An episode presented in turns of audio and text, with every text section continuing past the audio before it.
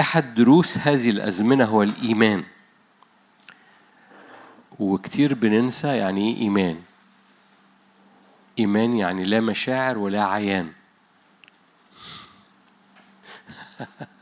اتفضلوا نصلي. خلصت الوعظة. قلت لكم مشاركة بسيطة النهاردة. كتير بننسى يعني إيمان.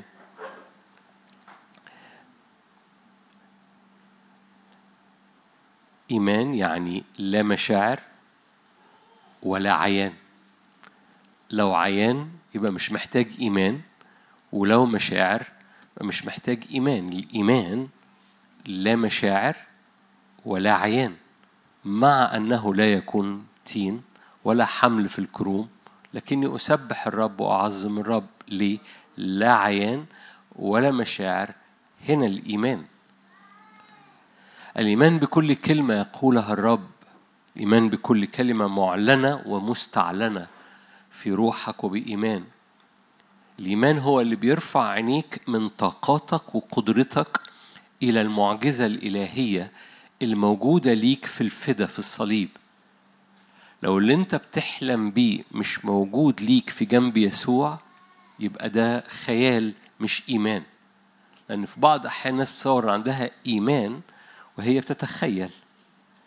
لو اللي انت واقف وراه موجود ليك في جنب يسوع على الصليب ده إيمان. لو انت اللي واقف وراه مش موجود ليك في جنب يسوع يبقى ده خيال. الإيمان ليس له علاقة ولا بالمشاعر ولا بالعيان. الإيمان موجود ليك في الفدا. يسوع دفع ثمن على الصليب. وما دفعه يسوع على الصليب مضمون إيمانك فيه.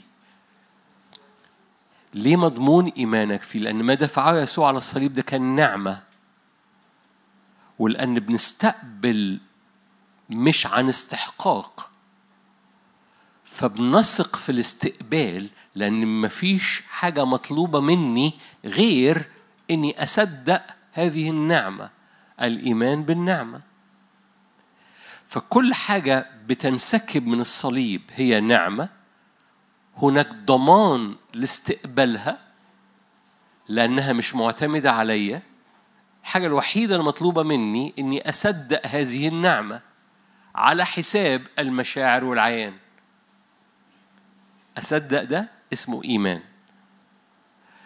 هذا ال هذا ال ال ال إيمان على البلاطة كده يعني إيمان خام. هذا الإيمان الخام اللي مش متنمق أو متشيك أو متجمل هذا الإيمان الخام هو القوة اللي شغالة اللي بتتحرك في حياتك وهتتحرك في الزمن اللي جاي تقلب الدنيا أو تعدل تتشجع أو تنزل تفتح أبوابك أو أبوابك يحصل عليها هجوم ايا كان القصة هذا الإيمان بيخليك مستمر غير عابئ عابئ دي لغة عربية فصحى.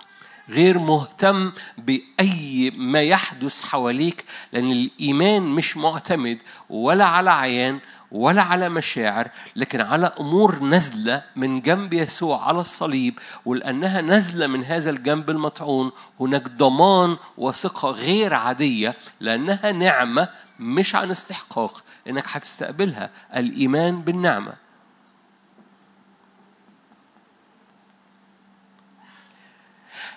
الإيمان مش حجم. كلكم سمعتوني بشارك عن كده. الإيمان مش لما قالوا له زد إيماننا ما حطش إيده عليهم عشان يزود إيمانهم.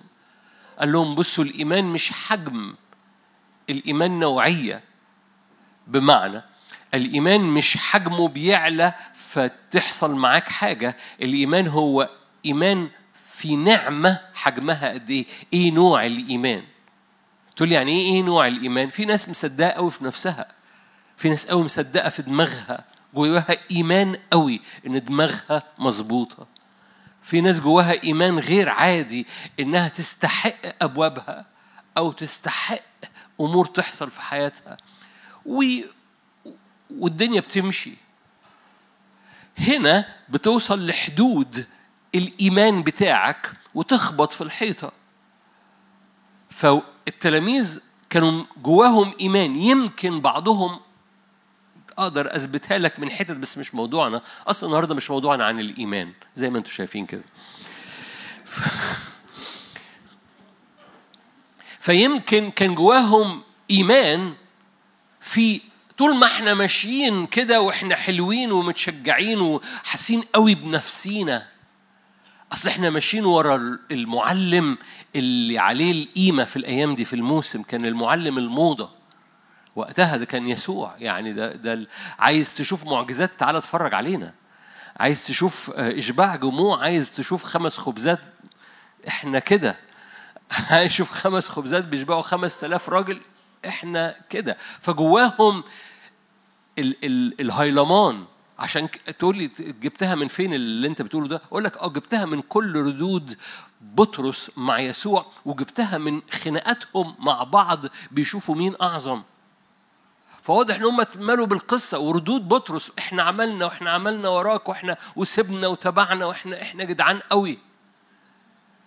لما بتعتمد على نوع هذا الإيمان بتخبط في حيطة وما تعرفش تعدي فلما خبطوا في حيطة وما عرفوش يعدوا راحوا للسيد زود إيماننا شوية.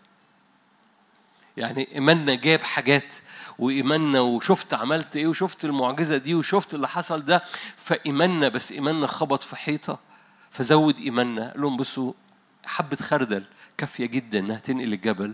القصة مش حجم إيمانكم القصة نوع إيمانكم.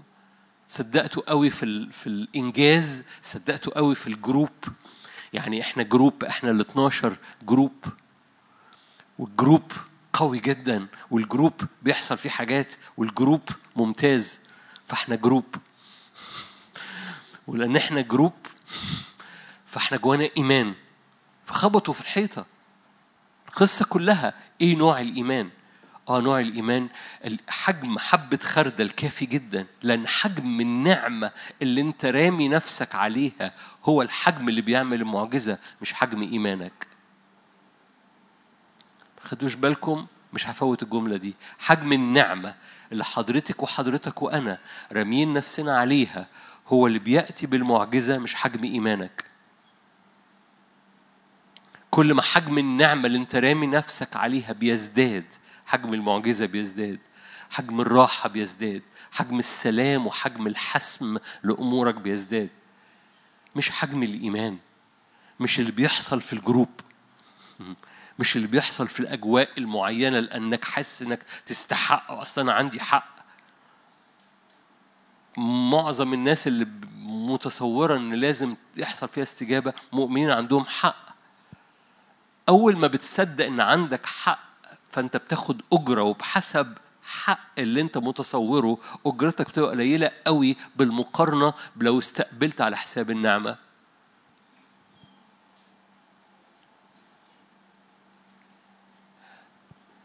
مش موضوعنا الإيمان.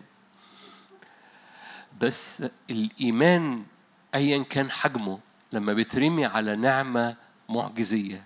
عشان كده طول الوقت الكتاب المقدس يقول لك تزداد النعمة. من ملء نحن جميعا نأخذ نعمة فوق نعمة. وكل ما بتزداد النعمة لأن النعمة بتنسكب على من لا يستحق. من لا يستحق دي مربوطة إنه مش حق. ناس كتيرة معجبة قوي بدماغها ناس كتيرة مقتنعة قوي بدماغها ناس كتيرة مقتنعة قوي إن عندها حق حق يعني استحقاق. يقول لك الحق والمستحق. الملكوت مش كده الملكوت نعمة. وحجم الإيمان كحبة خردل كافي جدا إنه يسكب على حياتك كل المعجزة اللي أنت محتاجها وأكتر. يوم الأربع ماشيين سلسلة ما أعرفش أنت واخد بالك ولا لأ بس مش مهم إنك تكون واخد بالك. المهم تكون بتستقبل من الرب.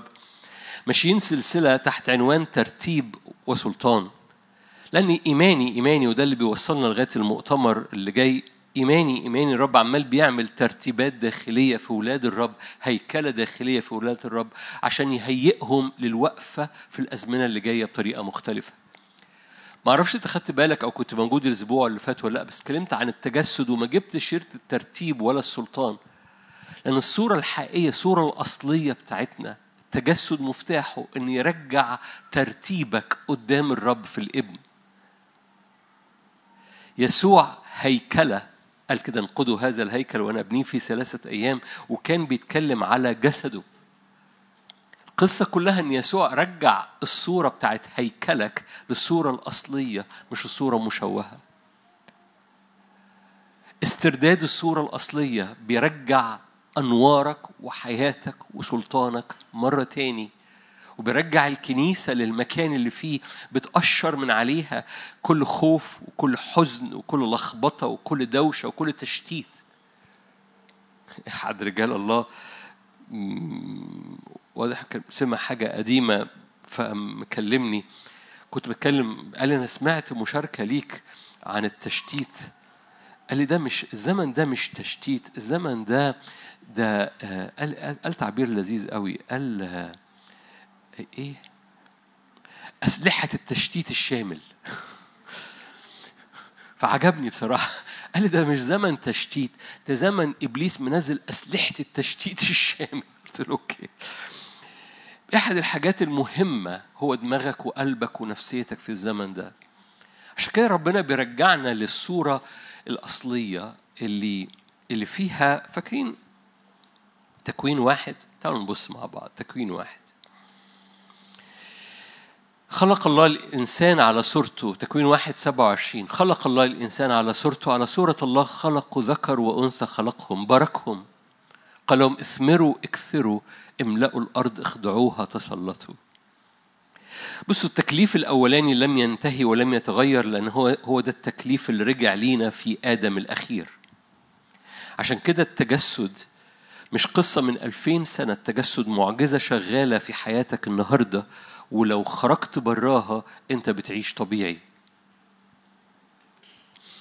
التجسد مش قصة حصلت من ألفين سنة. لو أنت ما سمعتش اجتماع الأربع اللي فات أشجعك تبقى تسمعه. التجسد مش قصة حصلت بس من ألفين سنة. مش الكلمة صار جسدا وخلصت. الكلمة صار جسدا وما زال الكلمة في الجسد. ما زال التجسد شغال. أي يوم بنقضيه مش متذكرين. بلاش متذكرين دي لأن متذكرين دي يعني أي يوم بنقضيه مش ساكنين في الهوية دي أن الكلمة صار جسدا النهاردة ودي هوية بنعيش بره القصد بتاعنا. لو جاز التعبير تصحى من الصبح كده وتذكر نفسك الكلمة صار جسدا ده مش من ألفين سنة ده دلوقتي وهنا وعلى السرير. ليكن ده واجب. قبل ما تنزل من على السرير تتزحلق من على السرير ذكر نفسك.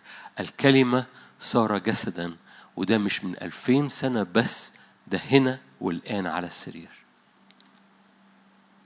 أي يوم بنقضيه بره هذه الهوية ما بنحققش قصد ربنا في هذا اليوم. لأن معنى كده أن قضيت هذا اليوم بره هويتي في المسيح.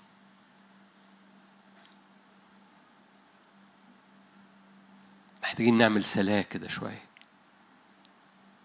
الكلمة صار جسدا مش فكرة لذيذة مش قصة من ألفين سنة. كلمة صار جسدا هوية. لما لهم اثمروا واكثروا واملأوا الأرض واخضعوها كلكم عارفين أن هذا التكليف الأولي الأساسي لم ينجح لأنه الرب كان براهم. لما الرب رجع التكليف لينا في آدم الأخير يسوع المسيح بيقول لك نفس القصة إثمر وإكثر وإملى الأرض اخضعها تسلط رجعها لملكوتي كما في السماء كذلك على الأرض. أنا بسترد السلطان ليك أنا بسترد الهيكلة ليك مرة تاني. أنا بسترد المكان ده ومش هتعرف تعمله وأنا براك. هتعرف فقط تعمله وأنا فيك. أول مرة كان براهم كان بيتمشى معاهم بس كان براهم سقطوا في العهد الجديد يسوع فيك فهناك ضمان للنجاح. كل يوم بتقضيه بإدراك أن الكلمة صار جسدا فيك. بتعرف تعيش القصد الإلهي على حياتك بتعيش السلطان اللي الرب دعاك تعيشه. كل يوم بتقضيه مش مدرك أن الكلمة جسدا. ما بتعرفش تحقق القصد زي ما آدم وحواء في التكليف الأول ما عرفوش يحققوا القصد. رب اداهم هذا التكليف اخضعوا تسلطوا استردوا الأرض ليا. بس الرب ما كانش مديهم هذا السلطان كده. الرب كان وراهم كان مديهم مثال للي هو بيعمله. خليني أقرأ لك حبة آيات مشهورة معروفة في تكوين واحد برضو 14 قال الله لتكن أنوار في جلد السماء. لتفصل بين النهار والليل لتكن أنوار. في جلد السماء لتفصل بين النهار والليل تكون لآيات وأوقات وأيام وسنين. خلي بالك.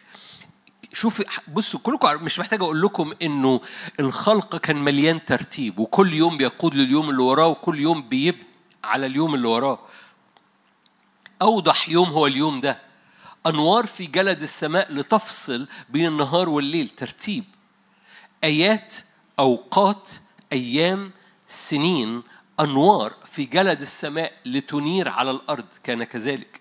عمل الله النورين العظيمين النور الأكبر لحكم النهار النور الأصغر لحكم الليل والنجوم وجعلها في جلد السماء لتنير على الأرض. وإيه؟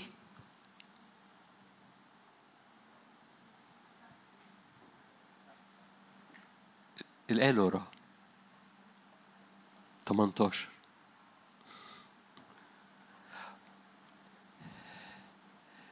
عمل الله النورين العظيمين النور الأكبر لحكم النهار والنور أصغر لحكم الليل والنجوم وجعلها الله في جلد السماء لتنير على الأرض ولتحكم على النهار والليل.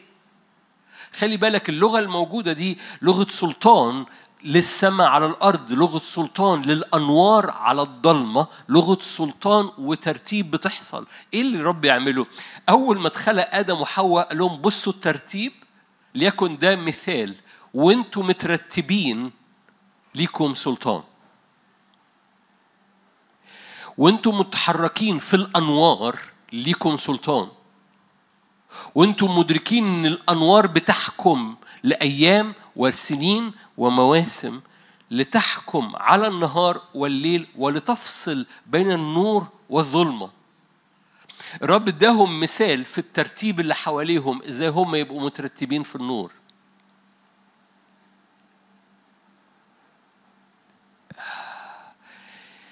كل شيء الرب يصنعه فاكرين الآية في كورنثوس 14 الرب إله؟ أوكي إله ترتيب. وليس إله تشويش. كل رب. كل حاجة الرب عملها عملها كمثال عشان آدم وحواء ينظروا ليها ويعيشوا بترتيب في أنوار الرب في النور. الرب يأتي على كل تشويش. بصوا التشويش مش حاجة لذيذة في هذا الزمن. على رأي أخويا الخادم قال كده إيه؟ أسلحة تشويش الشامل. التشويش اللي بيأتي على مشاعرك وعلى ذهنك وعلى أفكارك. التشويش اللي بيأتي على تركيزك على النور على الإدراك وعلى القصد في حياتك. محتاج ما تسيبوش محتاج ترفع إيدك وتسكته وتقول له اسكت ابكم. لو جاز التعبير التشويش ده هو الهيجان اللي على المركب بتاعك عشان ما توصلش للناحية التانية. يسوع وقف وسط المركب قال له اسكت ابكم. وفي الأغلب في الأزمنة اللي جاية دي لأنك مش معتمد على ولا على مشاعر ولا على عيان فبتتحرك بالإيمان أول ما تلاقي حاجة مضادة من هذا التشويش بترفع إيدك طوالي اسكت ابكم. التشويش ده بيأتي على دماغنا بيأتي على مشاعرنا عشان كده الحس بيتلخبط والرؤية بتتلخبط. وأخطر حاجة في اللخبطة هو لخبطة الحس. لأن كثيرين بيعتمدوا على حسهم فلما يأتي تشويش على الأحاسيس بيتلخبطوا. ياما. لأن لخبطة الأحاسيس بتلخبط القرارات.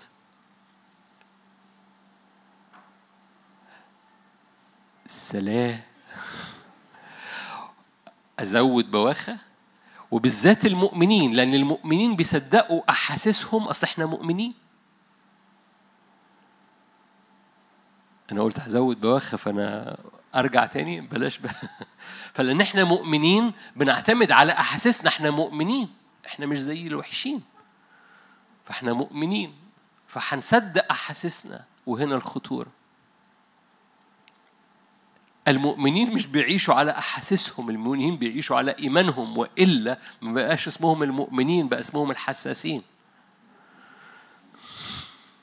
اللي بيحسسه يعني.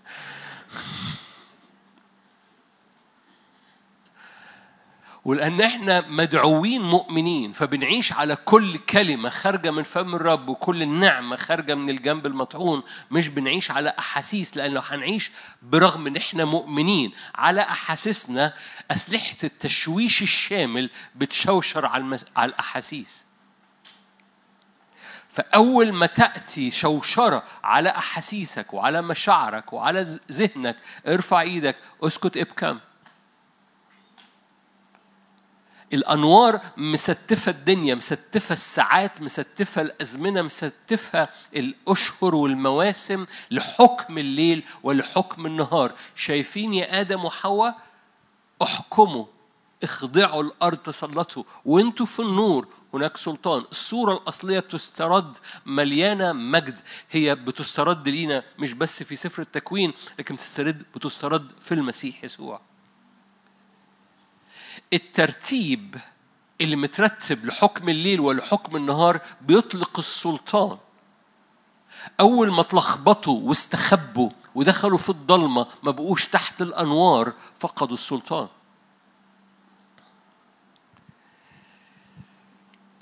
كأني عايز أروح لحتة تعالوا نروح لها أرمية. أنتوا كويسين؟ أنا لو منك قلبي ياكلني كده واتغاظ شوية وقول أنا أنا هرجع من هذا الاجتماع وأقف في وسط الأوضة عندي وأعلن السيادة الإلهية على وقتي وعلى دماغي وعلى مشاعري وعلى أيامي وعلى السلطانية بتاعتي.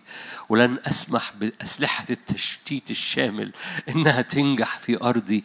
ليه؟ لأني أريد أن أكون في النور فأدوس بعز على كل تشويش من العدو لخبطة من العدو غي من العدو طرق جانبية العدو بياخدني ليها وتعمل سلب الوقت سلب السلطاني سلب الايامي سلب الاختراق أنا بقول للعدو اسكت ابكم أنا بقف في النور أنا برسترد السلطان والسيادة والصورة الأصلية اللي ليا في المسيح يسوع. الكلمة صار جسدا وحل فيا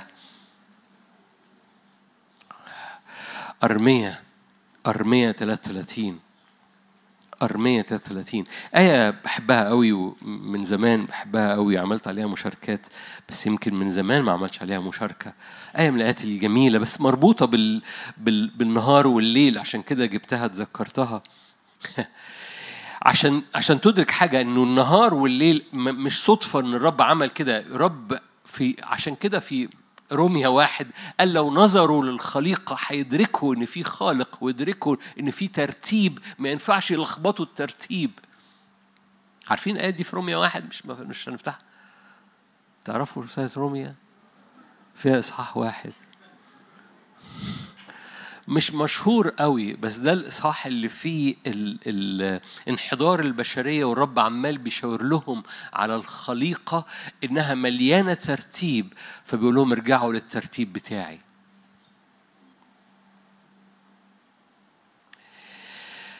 نفس هذه القصة في أرمية 33 عهدي هكذا قال الرب آية 20 أرمية 33 20 إن نقضتم عهدي مع النهار.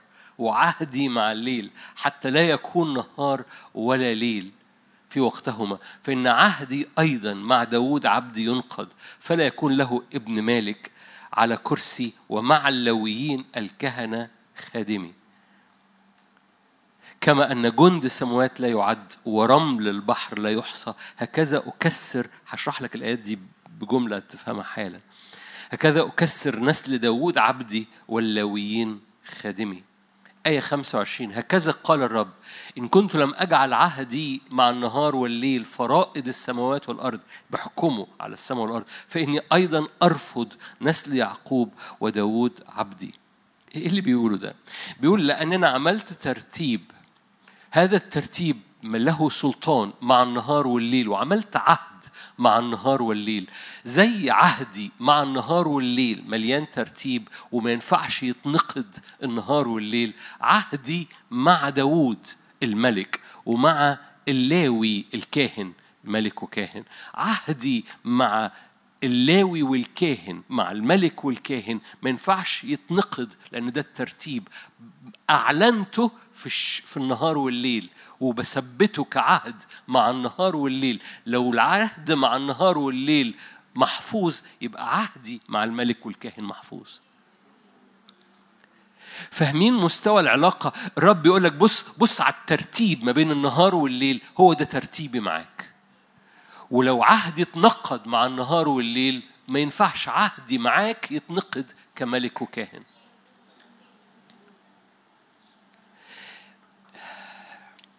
الرب دعيك تمشي في نور غير عادي الرب دعيك تمشي في سلطان غير عادي وتسترد صورتك وما كانش في حل نسترد صورتنا إلا في المسيح يسوع.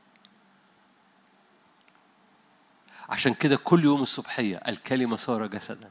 ده مش من ألفين سنة ده النهاردة والآن على السرير.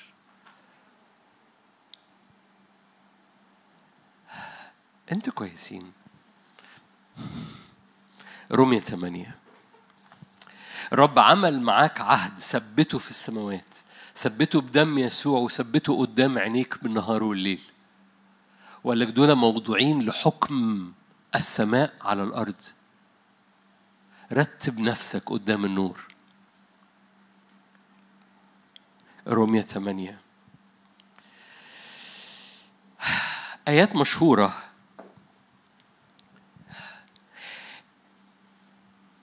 رومية 8 آية 6 اهتمام الجسد موت. اهتمام الروح هو حياة وسلام. كلمة اهتمام بالعربي بتاخدنا إن حد مهتم. الكلمة مظبوطة بس للأسف اليوناني مش م... القصة مش إنك مهتم بحاجة القصة إنك بتفكر في حاجة. هو الاهتمام يعني بتفكر بس بس لما لما تقرأ الكلمة في اليوناني تقدر تستخدمها أكتر الذهن. فخليني أقراها لك بكلمة الذهن أو التفكير. تفكير الجسد يموت. أما التفكير الروحي هو حياة وسلام. التفكير أو الذهن الجسدي يموت التفكير الجسدي يموت لكن الذهن الروحي حياة وسلام. الذهن الجسدي عداوة لله. إذ هو ليس خاضعا لناموس الله لأنه أيضا لا يستطيع. الفكر الجسدي عداوة لله. إذ هو ليس خاضعا لناموس الله لأنه لا يستطيع. زي ما قلت لك في هجمة في التشويش على الحواس بتاعتنا من مشاعر من أفكار. وده اللي أنا بضرب فيه النهاردة لأنه لأنه الموضوع ده مهم. لأن بحسب حجم حسك حجم هويتك وبحسب حجم هويتك حجم سلطانك. والرب يرتب حسك معاه عشان هويتك تترتب معاه فسلطانك يبقى في الأرض قوي. التكرار بيعلم الشطار. إحنا إحنا حساسين. المفروض نبقى مؤمنين بس إحنا بقينا حساسين. بحسب نقاء حسك نقاء هويتك. لأن إحنا حساسين هويتنا بتتشوه. لأن ح... لما حسنا بيتلخبط هويتنا بتتلخبط. فسلطاننا بيتلخبط. فالنور ما بيبقاش نور. بنفقد السل... كل لما صلينا من أجل السيادة على أوضتك وعلى حياتك كلكم أنا شايفكم. كلكم غمضتوا عينيكم أوكي عايزين ده ما يبقاش صلوة وعدت؟ محتاج تتعامل مع الحس. لأن بحسب حسك هويتك. بعضكم مش مصدقني. سفر الأمثال. أنتوا أنتوا حلوين؟ ده سؤال. برافو. أمثال 23 الإجابة صح. أمثال 23 أمثال 23 آية صغيرة بس الآية دي مبدأ. الآية دي مبدأ. أمثال 23 وآية 7 كما شعر في نفسه. هي هي هي الكونتكست بيتكلم عن حاجة بس أنا باخد المبدأ. كما شعر في نفسه هكذا هو. خدها لحضرتك. كما شعرت في نفسك هكذا أنت. هنا خطورة الحساسين. الحساسين شاعريين شاعرين يعني كما شعر. بحسب حسك حسب هويتك. كما شعر في نفسه هكذا إيه؟ كما تشعر هكذا أنت. ولأن في أسلحة تشويش شامل شغالة في هذه الأزمنة في هذه هذا التشويش الشامل بيأتي على مشاعرك وعلى حسك وبيلخبطه بحسب حسك هويتك وبحسب كما هكذا هو وبحسب هويتك سلطانك. أول ما حسك بيتلخبط مشاعرك بتتلخبط دماغك بتتلخبط حجم السلطان لأن حجم الهوية بيتلخبط مع دماغك. عشان كده قال كده الفكر الجسدي عداوة لله لا يستطيع ما بيقدرش ما بيقدر ما بتقدرش تطلق سلطان ما بتقدرش تتنقل. حجم تغييرك عمره ما بيفوق حجم تجديد دماغك.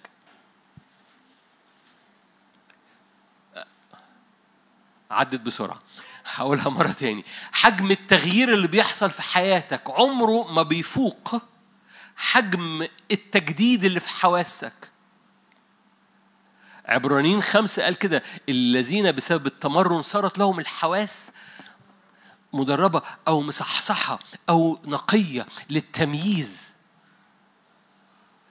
مهم جدا.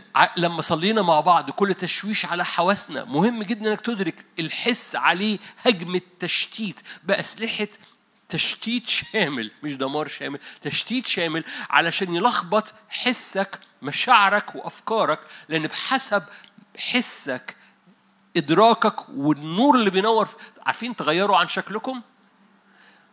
بتجديد السلطانية. عمرك مشاكلك بيتنقل أبعد من تجديد حواسك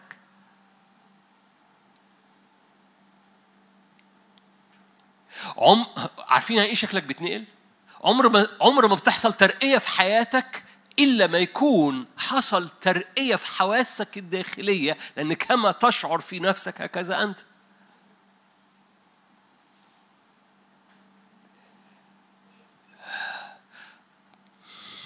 جمال. ممكن تحصل ترقية وحواسك الداخلية بتقول لسه أنا ما زلت زي ما أنا فالترقية اللي حصلت بتجهض لأن حواسك الداخلية ما اتنقلتش للترقية اللي الرب سكبها لحياتك. عمرك ما هتختبر أكتر من تجديد حواسك. لو حواسك لسه عايشة في العبودية برغم الرب دعاك كابن القاصر عبدا. ما دام القاصر عبدا لا يفرق شيء. ما دام ما دام الوارث قاصر ما دام الوارث قاصر في حسه لا يفرق شيء عن العبد مع كونه وارث الجميع. فحواسه ما زالت إنه قاصر برغم إنه وارث فبيعيش كعبد لأنه عمر ما الترقية بتحصل في حياتك أبعد من التجديد اللي بيحصل جواك في في حواسك الداخلية. لو الوارث حواسه لسه قاصرة ما بيفرقش عن العبد لأنه عمره ما بيختبر اختبار أعلى من حجم التجديد اللي حصل جواه.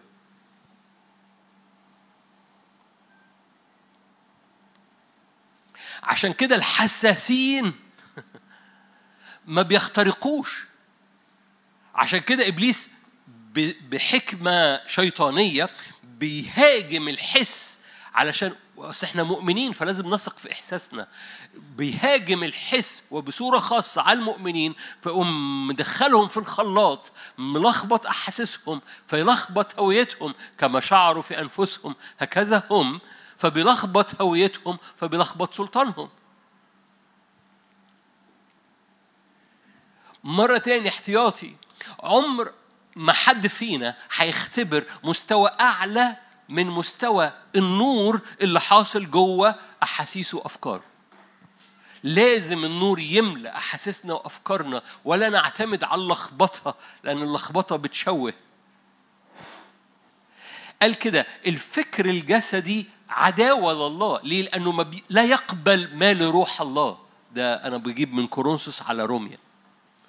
لا يقبل ما لروح الله الإنسان الطبيعي لا يقبل ما لروح الله؟ لأن ذهنه طبيعي بيفكر بطريقة طبيعية ولأن مؤمن فبيتصور الطبيعي اللي خارج منه ده روحي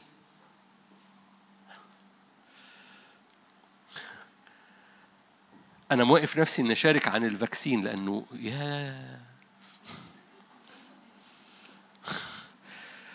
والمهم إيه؟ حب يقول لك إحنا جوانا إيمان. ما حدش ياخد vaccine حد تاني أنتوا إحنا جوانا إيمان. لو خدنا ال vaccine والاثنين جوانا إيمان والاثنين على حق. وكلكم بصيتوا لي آه هتكلم على ال vaccine مش هتكلم على ال vaccine وحد يقوم رافع سماعة دكتور نادر بيقول كذا كذا كذا. وما قلتش ولا حاجة كده. فالتاني يقول no no no هو قال كذا كذا كذا. عكس. والاثنين على حق.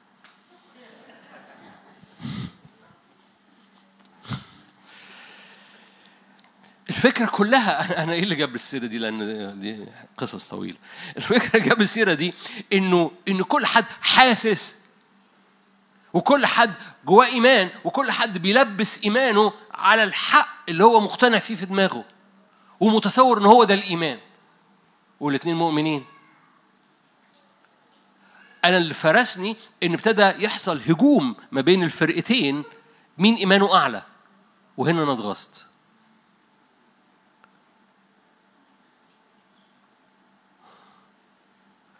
عارفين اللي قال اللي, يأكل يأكل بإيمان واللي مش هيأكل ما يأكلش بإيمان. اللي هيجي له vaccine اللي ياخد vaccine بإيمان واللي مش هياخد vaccine ليكن له بإيمان برضه.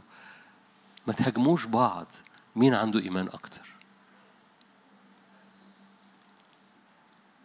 أي. هي. يقول لك اللي بياكل ما يقولش أنا عندي إيمان أكتر. عارفين القصص دي؟ في روميا 14 اللي بيأكل من لحم ما يقولش أنا عندي إيمان أكتر. واللي ما بيأكلش ما يقولش أنا عندي إيمان أكتر. اللي أخذ ال vaccine ما يقولش أنا عندي إيمان أكتر. واللي ما خدش ال vaccine ما يقولش أنا عندي إيمان أكتر.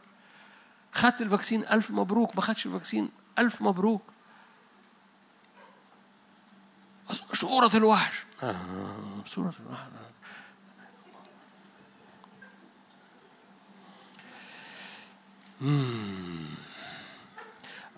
يقولوا طب هو أنت رأيك إيه؟ مش هقول رأيي أديكم نمرة إخواتي اللي بيتخانقوا مع بعض مين عنده إيمان أكتر؟ أنا هنا أنتوا هتحاربوا بعض مين عنده إيمان أكتر؟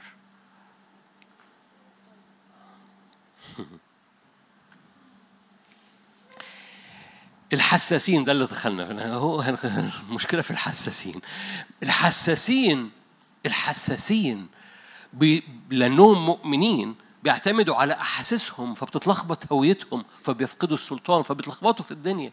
ويقعدوا بقى مناقشات مناقشات لأن حساسين بس مؤمنين كما شعر في نفسه.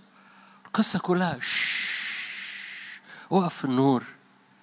اعرف إن في حاجة إلى واحد وفي أولوية وفي حتة مليانة نور وامشي في النور وبطل. ما تمشيش ورا الخلاط بتاع إبليس. أحبائي القصص دي كلها مقاصد إبليس. مش المقاصد إبليس ال- الفاكسين مقاصد إبليس إنه يلففك حوالين دماغك ناخد ولا ما ناخدش؟ هتاخد خد بإيمان ما تاخدش ما تاخدش بإيمان. اقف في النور اقف في بالمناسبة ده مش الموضوع إحنا ممكن نتكلم في الموضوع وأكلمكم لاهوتيا في الموضوع بس القصة مش كده ونتكلم ال... مش مش القصة مش موضوعنا. أنا عايز أوصل له من هذا من هذه النقطة بس إنه ما تتحركش بدماغك وتقول هو ده الحق. أقف في النور وأدرك إيه الحقيقة. كل الحقيقة خارجة من الجنب المطعون كل النعمة خارجة من الجنب المطعون كل القوة جا- خارجة من الجنب المطعون ولأن في نعمة خارجة من الجنب المطعون هو تقدر ترمي إيمانك عليها وتثق تماما إن طول ما أنت رامي نفسك على هذه النعمة هناك ثبات لرجليك. هناك قوة منسكبة على حياتك. فببساطة وقوفك في المكان ده اللي فيه الطبيعي لا يقبل ما لروح الله أما الروحي أما اللي بيستقبل من الروح أما اللي واقف في الروح ده في حاجة في في نور بينسكب في سلطان بينسكب في قيادة بتنسكب مفيش تشتيت. عشان الوقت أنا أنا أنا مصمم إن المشاركة دي تبقى قصيرة لأن أنا حريص إن إحنا نصلي ونحسم أمور فيها لخبطة كتير في في ملوك الأول. التغيير اللي في حياتك لن يفوق التجديد اللي في ذهنك. تغيروا عن شكلكم بتجديد أذهانكم يعني عمر ما هيحصل تغيير خارجي إلا بحجم التجديد الداخلي. okay أنا قلت الملوك الأول هنروح للملوك الأول بس تعالوا نرجع تاني لروميا 8 عشان أديك نقطة عملية حلوة. في كلمة جميلة تجنن في روميا 8 في روميا 8 كله يجنن. okay. بس الجملة دي اكتشفتها النهاردة الصبحية. سوري كلمة. في آية سبعة رومية 8 سبعة. اهتمام الجسد أو أفكار الجسد أو ذهن الجسد عداوة لله إذ ليس هو الكلمة اللي جاية دي. خاضع. هللويا. عايز تهدي السلطانية بتاعتك؟ قول له أنا ذهني وحواسي بأخضعها لنورك لحقك لروحك. خاضع دي كلمة جميلة أوي. قال لك الدماغ الجسدية ما بتعرفش تخضع للناموس. وبالتالي اهتمام الروح اللي هو حياة وسلام ده تكملة الآية هو خاضع لكلمة الرب. كل حتة أنت بتخضعها في دماغك وفي مشاعرك لكلمة الرب وللنور مليانة حياة ومليانة سلام. ولأنها مليانة حياة ومليانة سلام مليانة سلطان. لأنه بحسب حسك هويتك وبحسب هويتك سلطانك. إيه الصلوة اللي نخرج منها كلنا أنا وحضراتكم؟ ده اللي عجبني الصبحية وأنا عجبتني أول كلمة خاضع فقعدت أصلي ليا. أنا بأخضع كل حاجة في دماغي وكل حاجة في مشاعري وكل حاجة في حواسي. أنا بأخضعها مش هعتمد على حواسي أنا بأخضع حواسي لنورك. أنا بأخضع ذهني لنورك. أنا بأخضع طريقة تفكيري لنورك للترتيب بتاعك. أنا بأخضعها تعالوا نروح لملوك الأول. هختم بهذه القصة. ملوك الأول. قصة بعضكم عارفها أو بعضكم عارف أجزاء منها بس ملوك الأول 22 يهوشافاط كان عامل نهضة فاكرين؟ ملك يهوشافاط. عمل نهضة وعمل نهضة جميلة وعنده قصص جميلة. فاكرين؟ ليس فينا قدرة لكن نحوك أعيننا. فاكرين؟ جعل الرب أكمنة على بني عمون وبني عناق. ده كل ده كان يهوشافاط. عارفين الشواهد دي؟ okay. آه انت عارفاها بس مش كل okay. يهوشافاط كان عنده نقطة إنه في بعض أحيان برغم إنه متحرك في المجد في بعض أحيان كان بيعمل زينا. أو في الحقيقة إحنا اللي بنعمل زيه. برغم إن المسيح فينا يهوشافاط كان بيعبد الرب براه كانش لسه حصل التجسد يهوشافاط برغم إنه مختبر النهضة كان مش مصدق قوي إنه رجل نهضة. تعرفوا حد كده؟ تعرفوا حد بيتواجد في قدس الأقداس وبعد كده يخرج من قدس الأقداس يلعب في الطين؟ تعرفوش؟ أنا وانتي أختي رفعت إيديها كده. وأنا كمان. ليه؟ لأنه إحنا حساسين. وفي بعض الأحيان أحاسيسنا وعدو الخير بيرمي والعالم بيرمي وال interactions الطبيعية في العالم بترمي علينا. أنت طبيعي. أنت عادي. برغم إن وقفتك في قدس الأقداس دي مش عادية دي وقفة ملوكية مليانة كهنوت. فبرغم الوقفة الكهنوتية الملوكية اللي أنت بتقفها العالم طول الوقت وعدو الخير بيرمي حس. وهذا الحس يخليك عادي أو طبيعي. فتخرج من هذا المكان اللي هو مليان نار ونور وحضور ومجد وكل حاجة وتلاقي نفسك غضبان ليه؟ ليك حق. فتجد نفسك منفعل تجد نفسك بتغلط تجد نفسك يهوشافاط كان بيعمل كده. يهوشافاط برغم إنه رجل نهضة وعامل نهضة ومعجزات وحاجات كثيره قوي ما كانش مصدق قوي إنه رجل نهضة فكان كتير يلعب مع ملك إسرائيل. ملك إسرائيل ده في وقته كان أخاب. عارفين أخاب؟ عارفين المدام مدام أخاب؟ برافو عليكم. فأخاب وإيزابل قصة ضخمة جدا. أخاب أخاب وإيزابل قصة مليانة شر مليانة سواد. ودايما بيتحركوا مع بعض الروحين دول يتحركوا مع بعض. إيزابل مليانة حركة شيطانية وأخاب مليان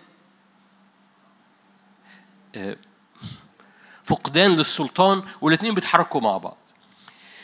في ملوك الأول 22 أقاموا ثلاث سنين ده ده ده حصل مرحلة حسم كده وراحة بدون حرب بين أرام وإسرائيل.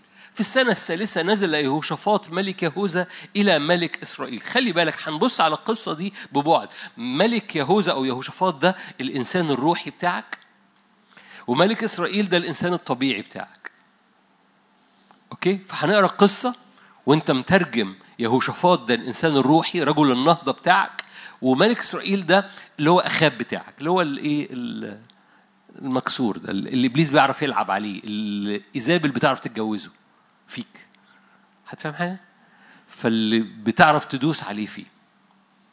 في السنة الثالثة نزل يهوشافاط ملك يهوذا إلى ملك إسرائيل فقال ملك إسرائيل لعبيده أتعلمون أن رموت جلعاد لنا ونحن ساكتون عن أخذها من يد ملك أرام؟ فكرة جسدية طقت في دماغ ملك إسرائيل. فكرة جسدية. بس لأن ملك يهوشا ملك إسرائيل وملك يهوذا متحركين مع بعض فتحس إنها روحية.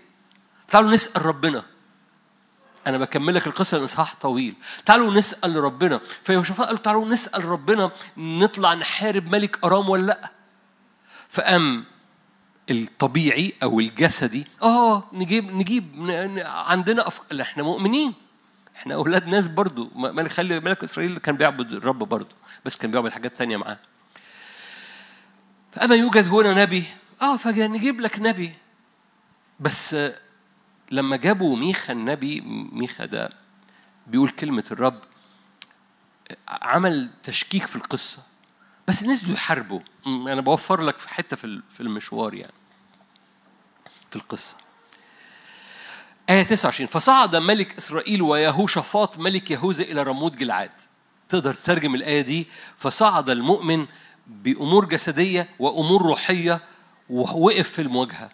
قال ملك إسرائيل ليهوشافاط شوف بقى اللعبة دي. الآية دي؟ قال ملك إسرائيل ليهوشافاط إني أتنكر وأدخل الحرب. أما أنت فإلبس ثيابك. فتنكر ملك إسرائيل ودخل الحرب. في ترجمة وترجمة مش مشهورة فمش مش هتبناها كاتجاه عام. لكن هتبناها في القصة هنا علشان لما قريتها امبارح استغربتها. الترجمة بتقول إيه؟ خلي آية 30 في وشك. قال ملك إسرائيل لهشافاط إني أتنكر وأدخل الحرب أما أنت فألبس ثيابي. ففي ترجمة خلي بالك الاثنين نازلين يحاربوا. ملك إسرائيل ده الجسدي قال له أنا هتنكر. أنت ألبس ثيابي. وانزل الحرب. كمل معايا. أمر ملك أرام ده اللي هم بيحاربوه رؤساء المركبات الذين له الاثنين والثلاثين قائلا لا تحاربوا صغير ولا كبير إلا ملك مين؟ ملك إسرائيل ده الجسدي. ليه؟ لأنه ملك أرام مش هعرف يجيب فيك إلا الجسدي.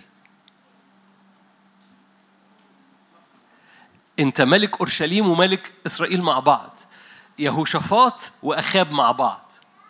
أخاب ده الطبيعي بتاعك ويهوشافاط ده الروحي بتاعك. لما بيحصل لخبطة في الهوية ويمشوا مع بعض ابن الذين أخاب ده بيقول لك أنا هستخبى. البس ثيابي. العدو اللي جاي في وشك بيقول بصوا مش هتعرفوا تطولوا مش هتعرفوا تضربوا إلا أخاب ملك إسرائيل. نشنوا عليه. ليه؟ لأن هو ده اللي اتضرب. الطبيعي هو اللي بيتضرب الحواس هي اللي بتتضرب الأفكار هو الضرب. عشان كده اهتمام الجسد عداوة لله هو موت. ليه؟ ما بيقدرش لا يستطيع. ليه؟ لأن ده بيتضرب ده جسدي. أتاري ده إيزابل موصية أخاب لبسه هدومك. تخيلوا معايا يهوشافاط لابس ثياب ملك إسرائيل. هو ده اللي عايز أختم بيه. كتير بنعمل كده. كتير يهوشافاط بتاعك بيلبس هوية الجسدي. كمل معايا الشاهد هللويا هللويا. أنا متشجع. هتنور في حتة. قالوا كده لا تحاربوا صغير ولا كبير إلا ملك إسرائيل إلا أخاب. فلما رأى رؤساء المركبات يهوشافاط بس شافوا يهوشافاط لابس ثياب مين؟ قالوا إنه ملك إسرائيل.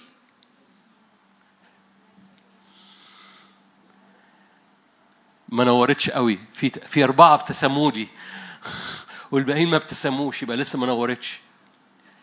بصوا قالوا هو جسدي. ليه؟ لأن ملك يهوذا لابس ثياب ملك إسرائيل. يهوشافاط لابس ثياب أخاب.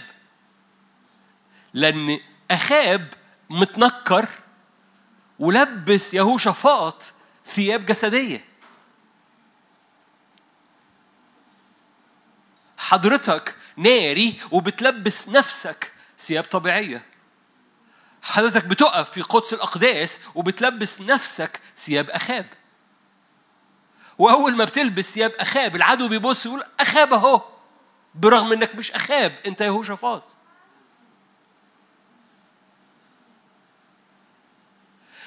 لخبطة حواسك بتلبسك ثياب أخاب. والعدو بيبص يقول أخاب أهو. برغم إنك مش أخاب أنت يهوشافاط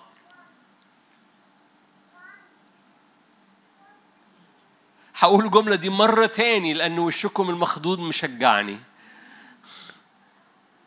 حضرتك اللخبطة الحس الأحاسيس اللي بيحصل أسلحة التشويش الشامل بتأتي عليك وتخلي أخاب بتاعك يستخبى ويهوشافاط بتاعك يلبس ثياب أخاب. الناري بتاعك يلبس ثياب طبيعية. الرجل النهضة بتاعك يلبس ثياب آه أنا موظف وغلبان و... أنا ست مصرية وطماطم غليت.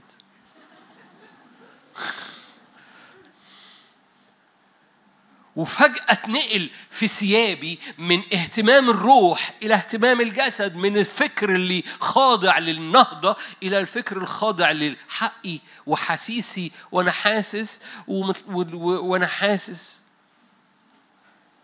واخش بقى في حروب جانبية وهلبس ثياب جانبية؟ أنا حاسس إن أخويا بص لي بصة مش عجباني فأنا حاسس إنه لا بصة مش عجباني. لا ده في الأغلب بيعمل عمل. مش أنت يعني. يا ما فلانة بتعمل لي أعمال وفلانة بيعمل لي أعمال. آه. ليه؟ أصل أنا حاسس. ألف ألف مبروك.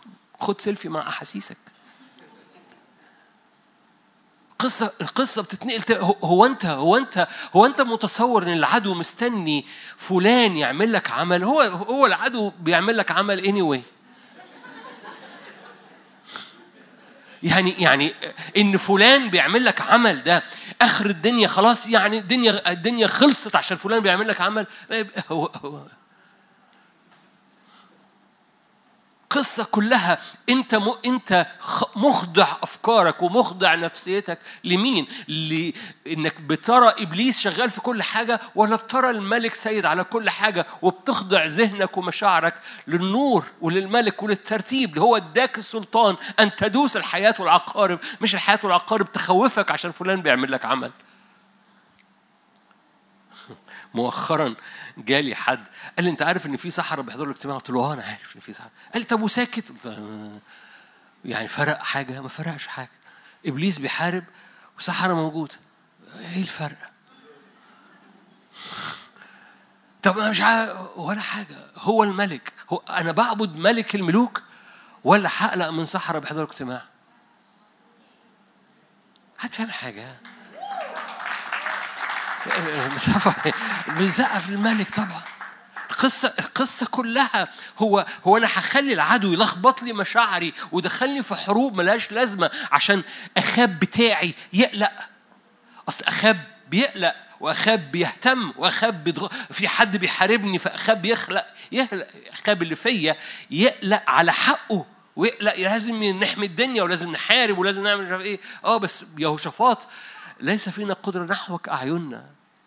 آمنوا بانبيائه فتفلحوا فنزلوا بالتسبيح والغناء فجعل الرب أكمنة. إيه الحرب الجنان دي؟ آه يهوشافاط بيعمل كده. دي تكنولوجيا يهوشافاط. بس يهوشافاط ما كانش طول الوقت بيصدق إنه رجل نهضة. فكان يرجع ويلعب مع أخاب وأخاب يقوم مستخبي يقول له إلبس هدومي. فيهوشافاط يخش الحرب لابس هدوم طبيعية وكل العدو يشاور يقول أهو ملك إسرائيل أهو. كمل معايا الآية آية جميلة.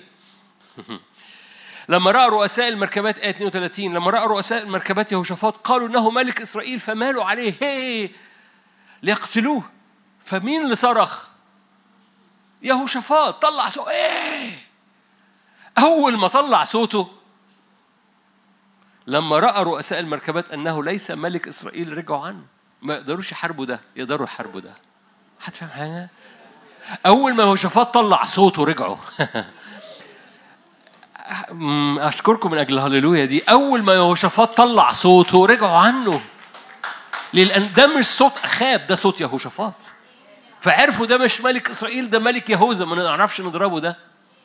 ما نعرفش نضربه ده. ليه؟ لأنه إنسان الروح نشيط، إنسان الروح ناري، ده ساكن في السماويات، ده جالس عن يمين الآب، ده مليان نهضة، ده مليان نار، إنسان الروح اللي جواك يستطيع قادر.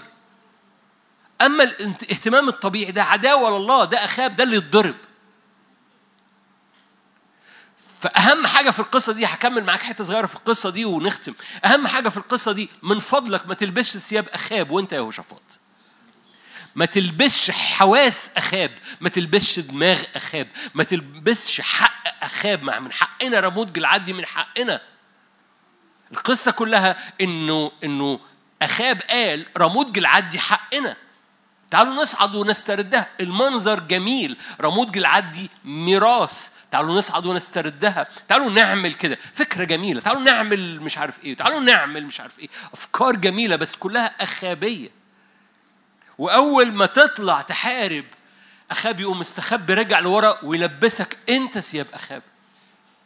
ما تلبس ثياب أخاب. ما تلبسش ثياب طبيعية. ما تسلمش أفكارك. ما تخد... ما تسلمش اخضع أفكارك وحواسك للنور وكون في المكان اللي مليان نور عشان تسترد سلطانك. أخاب مات في القصة دي بس يقول لك إزاي بقى؟ رجل نزع قوسه آية 34 رجل نزع في قوسه غير متعمد. يعني راجل بيلوش. أم ضرب سهم؟ دخل بين أوصال ضرب ملك إسرائيل بين أوصال الدرع. فقال لمدير مركبته رد يدك واخرجني من الجيش لأني قد جرحت. ومات عند المساء. فشوف المشهد جميل إزاي نبوي إزاي. يهوشافاط لابس ثياب مش بتاعته فجم يستهدفوه لأنه لابس ثياب أخاب. أول ما طلع صوت رجعوا عنه. واللي كان مستخبي لما لما بتعيش فقط في الجسد أي حاجة بتصيبك. العدو هو بيلوش. حد فاهم حاجة؟ يعني مش مستهدفينه لأنه مستخبي لأنه مختبئ. أو العدو هو بيلوش بيصيب الجسد والعدو هو منشن ما يعرفش يصيب الروح.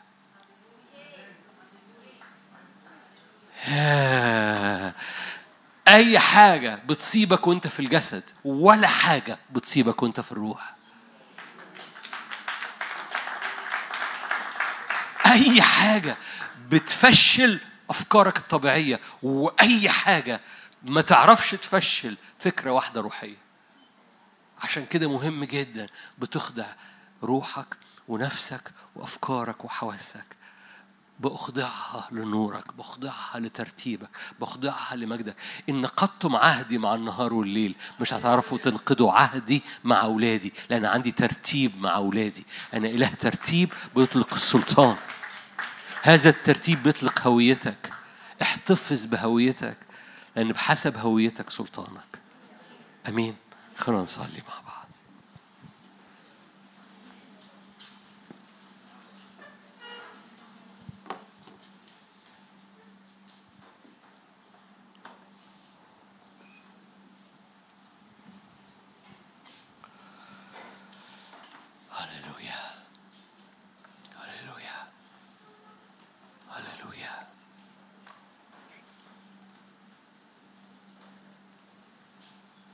هللويا هللويا هللويا هللويا يا رب ننفض التراب. صلي معايا. أنا بنفض كل تراب بيترمي عليا. العالم بيرميه من تشتيت من تشويه للهوية. كل تراب بيترمي علينا. كل تراب يوميا التراكم كل يوم. كل تراب بيترمي على الصورة الأصلية. صورة البهاء صورة النور صورة المجد صورة النهضة. كل تراب بيترمي على مشاعرنا وعلى حواسنا وعلى أفكارنا. هللويا.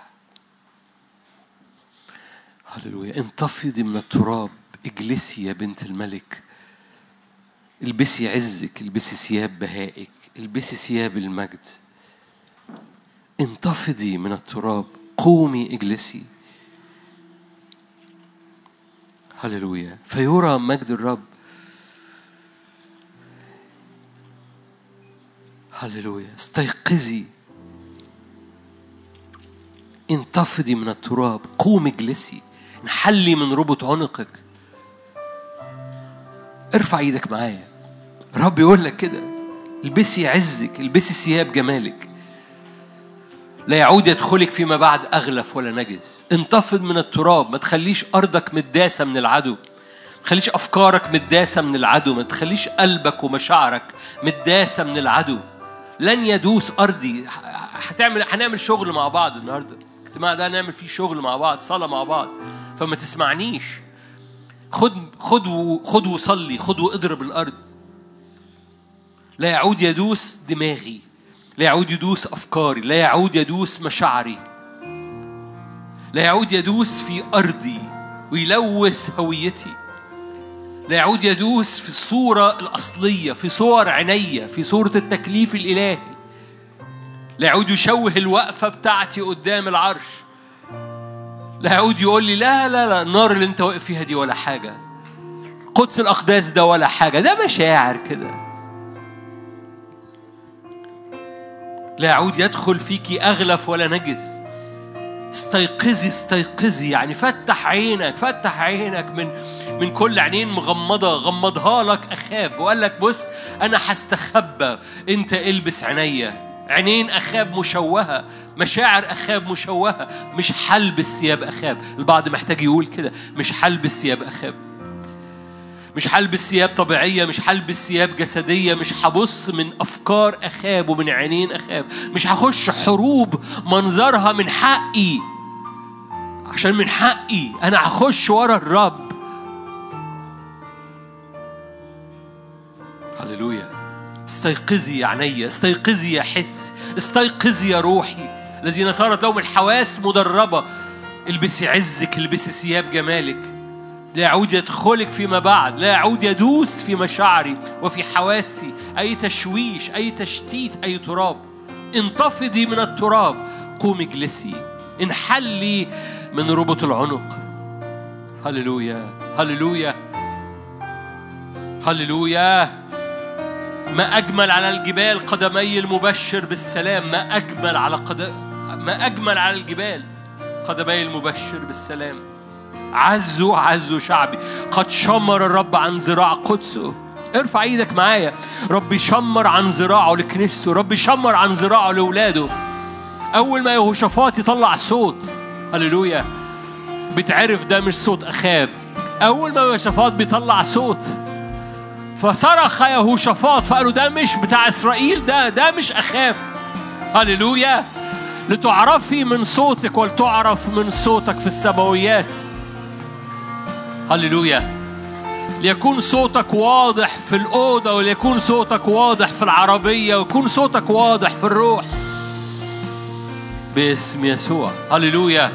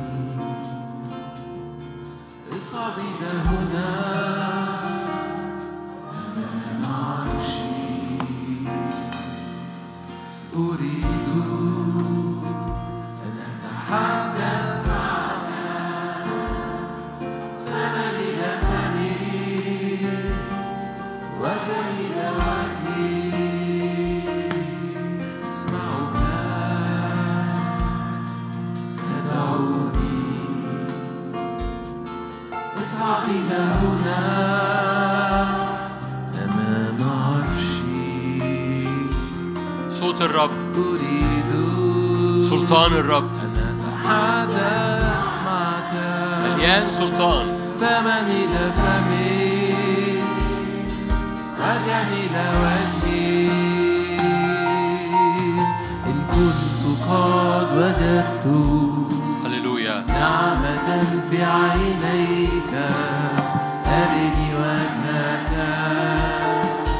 أرني مجدك.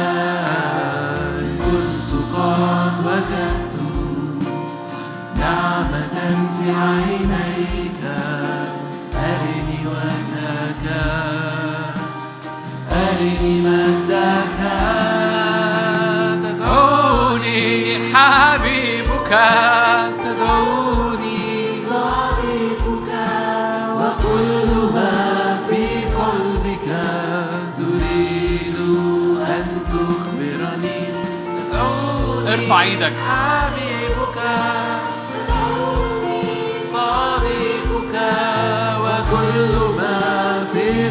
قلبك. سلطان. تريد أن تخبرني تدعوني. حبيبك تدعوني. صديقك. وكل ما في قلبك.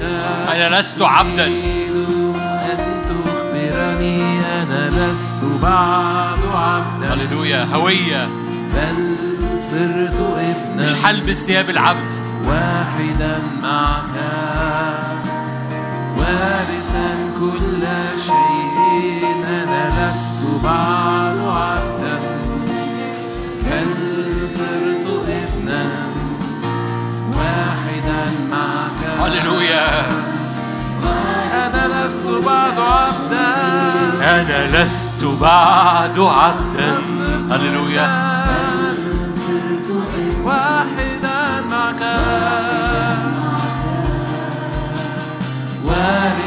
كل شيء أنا لست بعد عبدا بل صرت ابنا واحدا معك وارثا كل شيء تدعوني حبيبك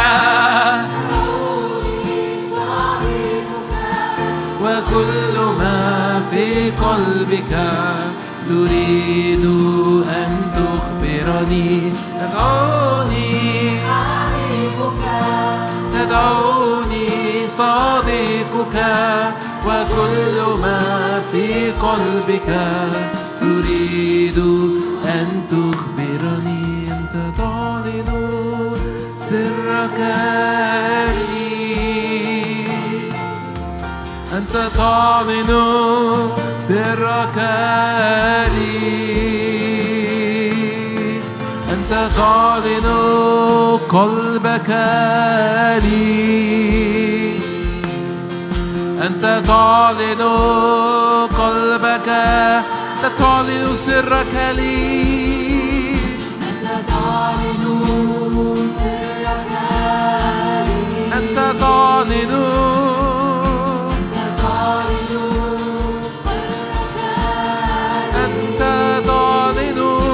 سرك. أنت تعلن قلبك. أنت تعلن قلبك. تدعوني. تدعوني حبيبك. تدعوني صديقك. وكل ما في قلبك تريد أن تدعوني حبيبك. تدعوني صديقك. وكل ما في قلبك تريد. ارفع إيدك. اعلن معايا. لن ألبس ثياب اخاب لن ألبس أفكار طبيعية. لن ألبس ذهن جسدي. لن ألبس حواس طبيعية.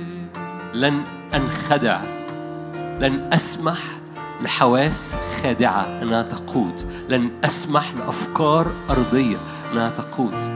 لن ألبس ثياب أخاب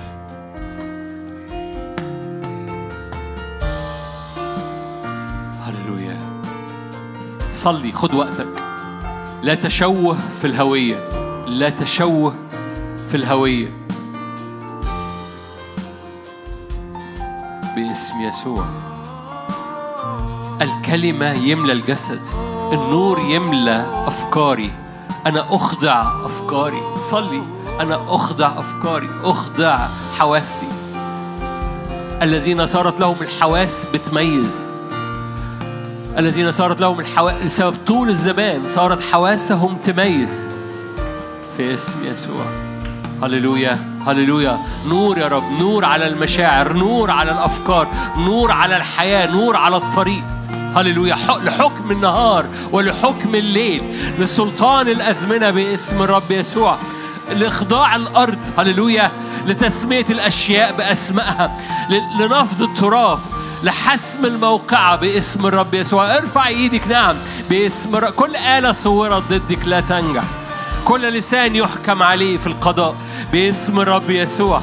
هللويا. كل التفاف للحية كل خداع للحية. هللويا. دوسي يا نفسي بعز. اعلني معايا. دوسي يا نفسي بعز. دوسي يا نفسي بعز. لا تشويش فيما بعد. أنا بطلب أنوار على أوضتي أنوار على مشاعري أنوار على أفكاري. أسكت ابكم يا إبليس. لن تنجح إيزابل ولن ألبس ثياب أخاب. لن تنجح إيزابل ولن ألبس ثياب أخاب باسم الرب يسوع. لن أعتمد على حواس هللويا بتتخدع ولا على أفكار طبيعية باسم الرب يسوع. أنا أخضع حواسي وأفكاري لنور الرب لفرح الرب لمجد الرب لقيادة الرب باسم الرب يسوع. هللويا دوسي يا نفسي بعز. هللويا دوسي يا نفسي بعز. يمكن أخاب يقول لك ده وقت حزن. هللويا. لكن يهوشافاط يقول لك ده وقت فرح. هللويا. أخاب يقول لك ده وقت حرب. ويهوشافاط يقول لك ده وقت احتفال. وليمة وليمة. هللويا. لا تلبس ثياب أخاب. لا تلبس ثياب أخاب.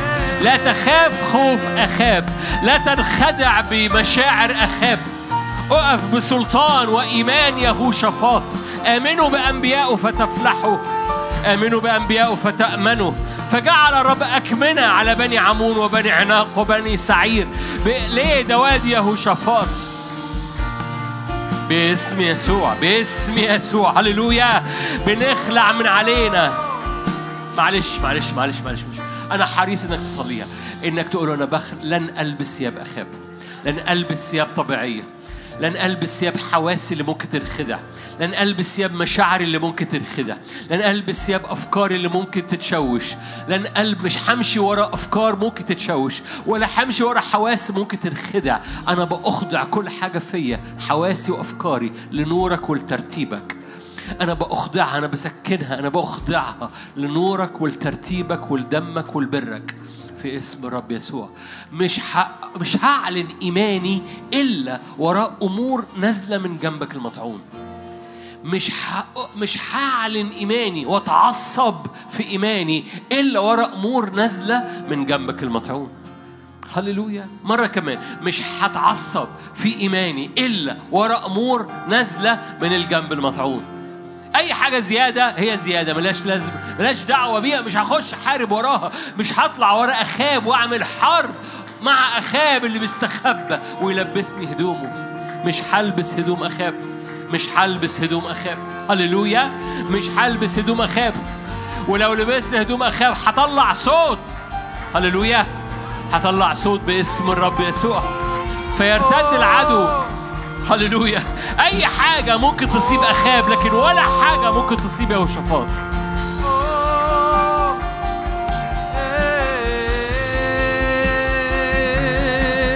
من مجد إلى مجد كما من الرب الروح. نتغير نتقدس ناظرين مجدك. من مجد إلى مجد كما من الرب الروح. نتغير نتقدس ناظرين من مجد من مجد إلى مجد كما من الرب الروح. نتغير نتقدس ناظرين مجدك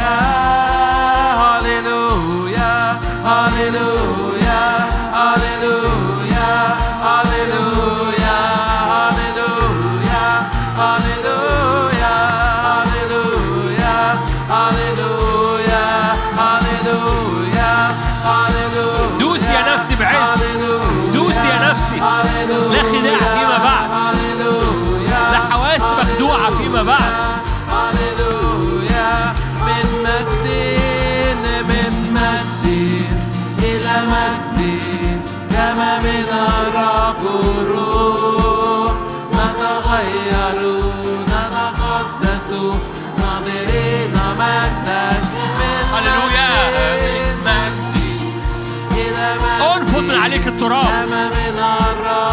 ارفض من عليك التراب. هللويا. نتقدس نظرين مجدك هللويا قولها بإيمان أؤمن. دوس. دوس على إبليس. نعم. يا شفاط بيرقص. أخاب بيخاف. هللويا يهوشافاط بيرقص؟ دوس يا نفسي بعز. انفض من التراب. هللويا لنا حرية مجد أولاد الله. يس لنا حرية مجد أولاد الله.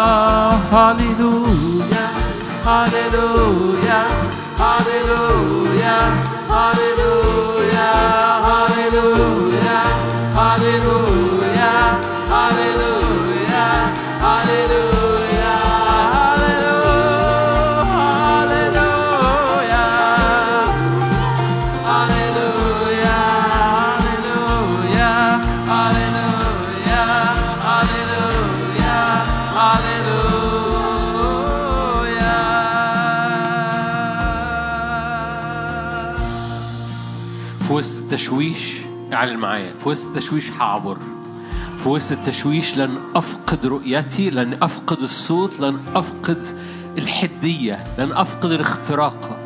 في وسط التشويش سأعبر. في وسط التشويش هرفع السيف. هقطع بالسيف كل تشويش. في وسط التشويش هقطع بالسيف من أجل اختراق السلطان. هللويا. النور بيطلق الهوية والهوية بتطلق السلطان. كما أشعر في نفسي هكذا أنا. هللويا. فلن أنخدع لن أسمح لخداع المشاعر. هللويا.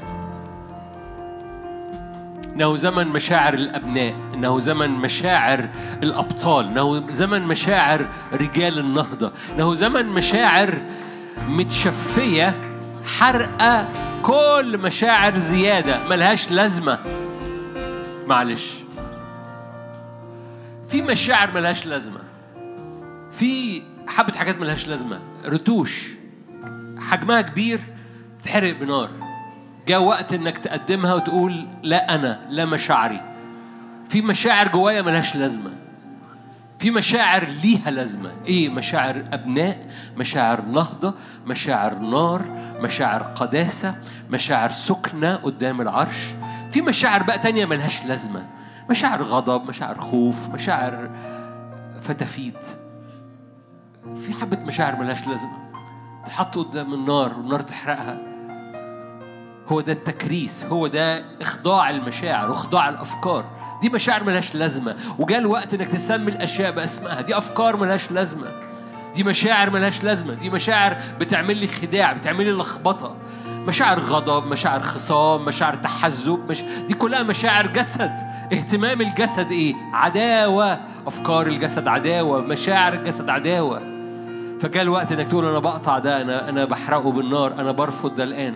باسم الرب يسوع. فمن فضلك في حبة حاجات محتاج تقولها. المشاعر دي ملهاش لازمة. هديك وقت كده وموسيقى بتعزف. في حبة حاجات كده انت عارف انها ملهاش لازمة. علشان تقدر ما تتخدعش عشان تبقى بتصيب الهدف عشان تبقى مشاعرك بتعدي كالسكين. في محتاج تسمي حبة مشاعر وحبة أفكار دي ملهاش لازمة. هللويا. فأبقى خفيف أقدر أخترق باسم الرب يسوع. هللويا. هللويا هللويا. رب يطلع أخف من النسور وأقوى من الأسود كالظبي على الجبال في السرعة. خفاف خفاف. مش متحملين مش ماشيين بشنط تقيلة من مشاعر ولخبطة وأفكار وأعمال جسد مش متلخبطين. هللويا هللويا. كالظبي على الجبال في السرعة كالظبي على الجبال في السرعة. هللويا. في حاجات ملهاش لازمة جاء سيبها في القاعة النهاردة واخرج من غيرها. سيبها في القاعة واخرج من غيرها. لن ألبس ثياب أخاب. لن أسمح بلخبطة في هويتي لخبطة في مشاعري لخبطة في حسي. باسم يسوع. باسم يسوع. هللويا.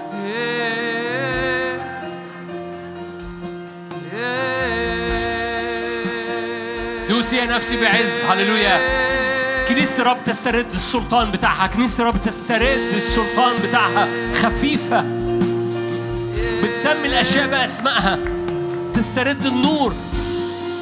بتخرج بره الحاجات اللي اترمت عليها بلخبطة وبتشويش وبغي. على الهوية بتاعتها بتلف بتقشر من عليها. قشر من عليك. قشر من عليك. قشر من على نفسيتك. هللويا. وقف في النور.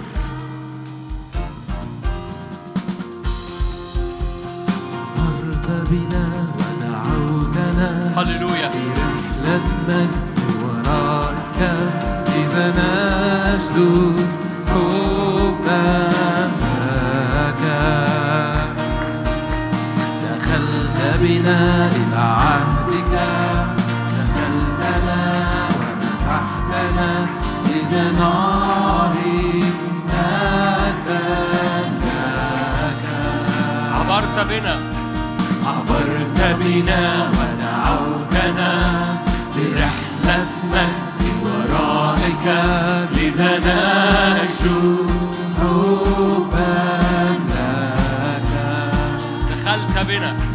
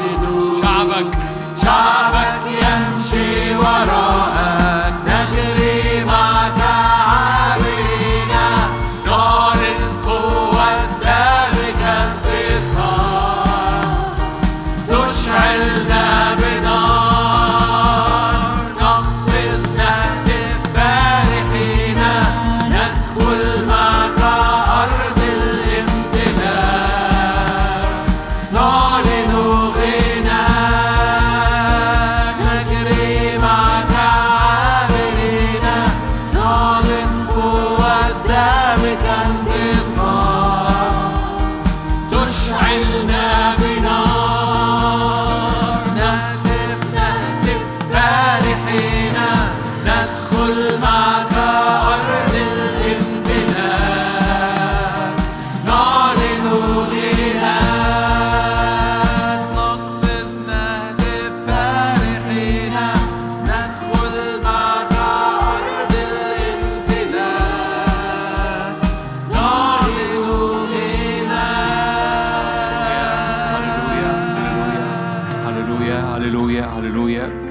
هللويا هللويا هللويا هللويا أؤمن أؤمن أؤمن أؤمن أؤمن إن الروح القدس ممكن يجعلك تمر بمواسم مختلفة تماما عن الطبيعي. أؤمن إن الروح القدس بيدخلك إلى مواسم من الفرح من الاحتفال من الولائم. في وسط كل حاجة أخاب بيقول لك فيها ده وقت نوح ده وقت حزن ده وقت خوف ده وقت هروب ده وقت قلق. أؤمن أؤمن إن يهوشافاط بياخدك لوقت رؤية وقت أحلام وقت إعلان وقت ملايكة وقت غلبة وقت نصرة وقت أجنحة مرفوعة وقت وقت نعمة فائضة وزيادة تزداد جدا عليك. في وقت اللي أخاب فيه بيقول لك لا لا لا لا ده وقت اختباء وقت كمين وقت استخبى. هللويا. فأخاب استخبى. هللويا. اللي استخبى مات. هللويا. اللي استخبى مات. أخاب مات. يهوشافاط طلع صوت فعاش. هللويا! اللي استخبى مات واللي طلع صوت عاش. هللويا! هللويا! هللويا! هللويا! هللويا! فارفضي التراب يا بنت الملك البسي عزك البسي ثياب جمالك. يا بهية! يا بهية! يا بنت الملك يا بهية! هللويا هللويا هللويا هللويا. تعالوا نطلع صوت كلنا كلنا. إيه. لا أخاف فيما بعد. إيه. لا أخاف فيما بعد. لا ثياب أخاف فيما بعد. لا ثياب لا أخاف فيما بعد. لا دمار لا دمار ولا تدمير للهوية لا تدمير للنفسية لا تدمير للنفسية فيما بعد. هللويا. هللويا هللويا. كل محاولات إبليس لتدمير النفسيات. هي! هي! نفض للتراب نفض للتراب. هللويا. أول ما سمعوا صوت يهوشافاط خرجوا. ده ده مش ملك إسرائيل. هللويا. هللويا هللويا هللويا هللويا هللويا هللويا هللويا هللويا أنتوا مدركين أنتوا مدركين إن القصة مش منطقية؟ يعني دول اكتشفوا ده ملك إسرائيل طب طب طب ده اكتشفوا ده يهوشافاط ده فرصة يقتلوه. أنتوا مدركين القصة مش منطقية؟ يعني ده ده قالوا ده ده ده يهوشافاط. نسيبه. ده ده ده فرصة يقتلوه. القصة مش منطقية. القصة مش منطقية. هللويا اللي استخبى مات. واللي طلع صوته عاش. باسم يسوع باسم يسوع هللويا. له زمن العروس تطلع كل صوتها كل إيمانها. كل صوتها كل إيمانها. مش بحسب المنطقي مش بحسب المنطقي. هللويا. هللويا.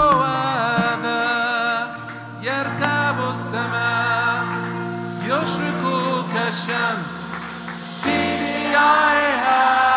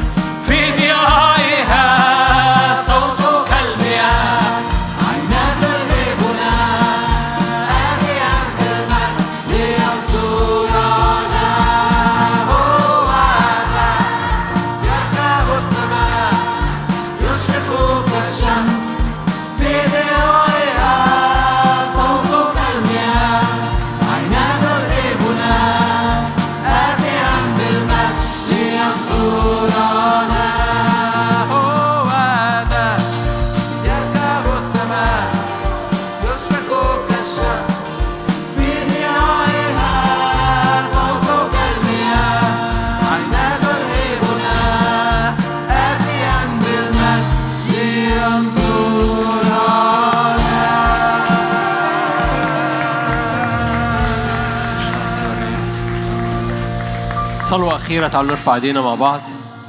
في آية تقول كده. أكثر آياتي وعجائبي في أرض مصر. نختم هذا الاجتماع بهذه الآية بهذا الإيمان.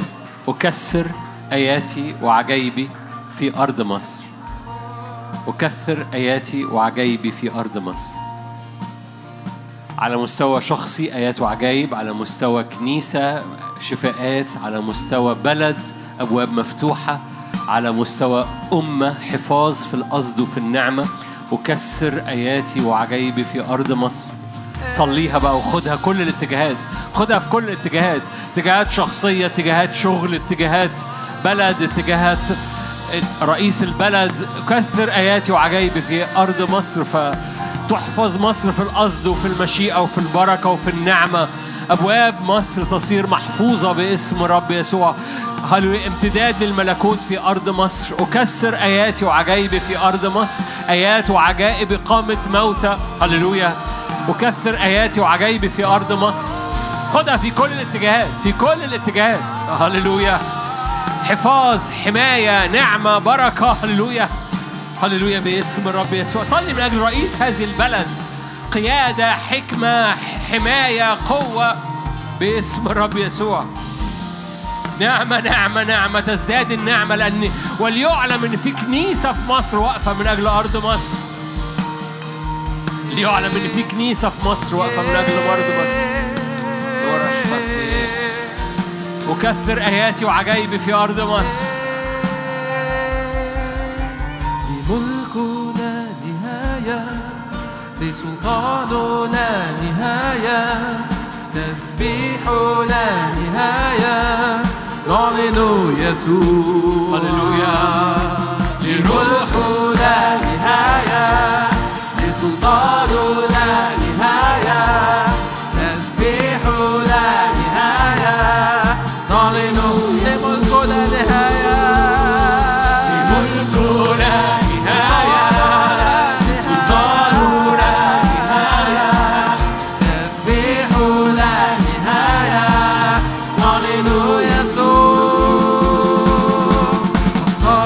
خلاص إلهنا وملكه قد صار فداء لشعبه بدمه قد صار خلاص إلهنا وسلطان يسوع. قد صار خلاص إلهنا وملكه قد صار فداء لشعبه بدمه قد صار خلاص إلهنا وسلطان خلاص إلهنا وملكه قد صار فداء لشعبه بدمه قد صار خلاص إلهنا وسلطان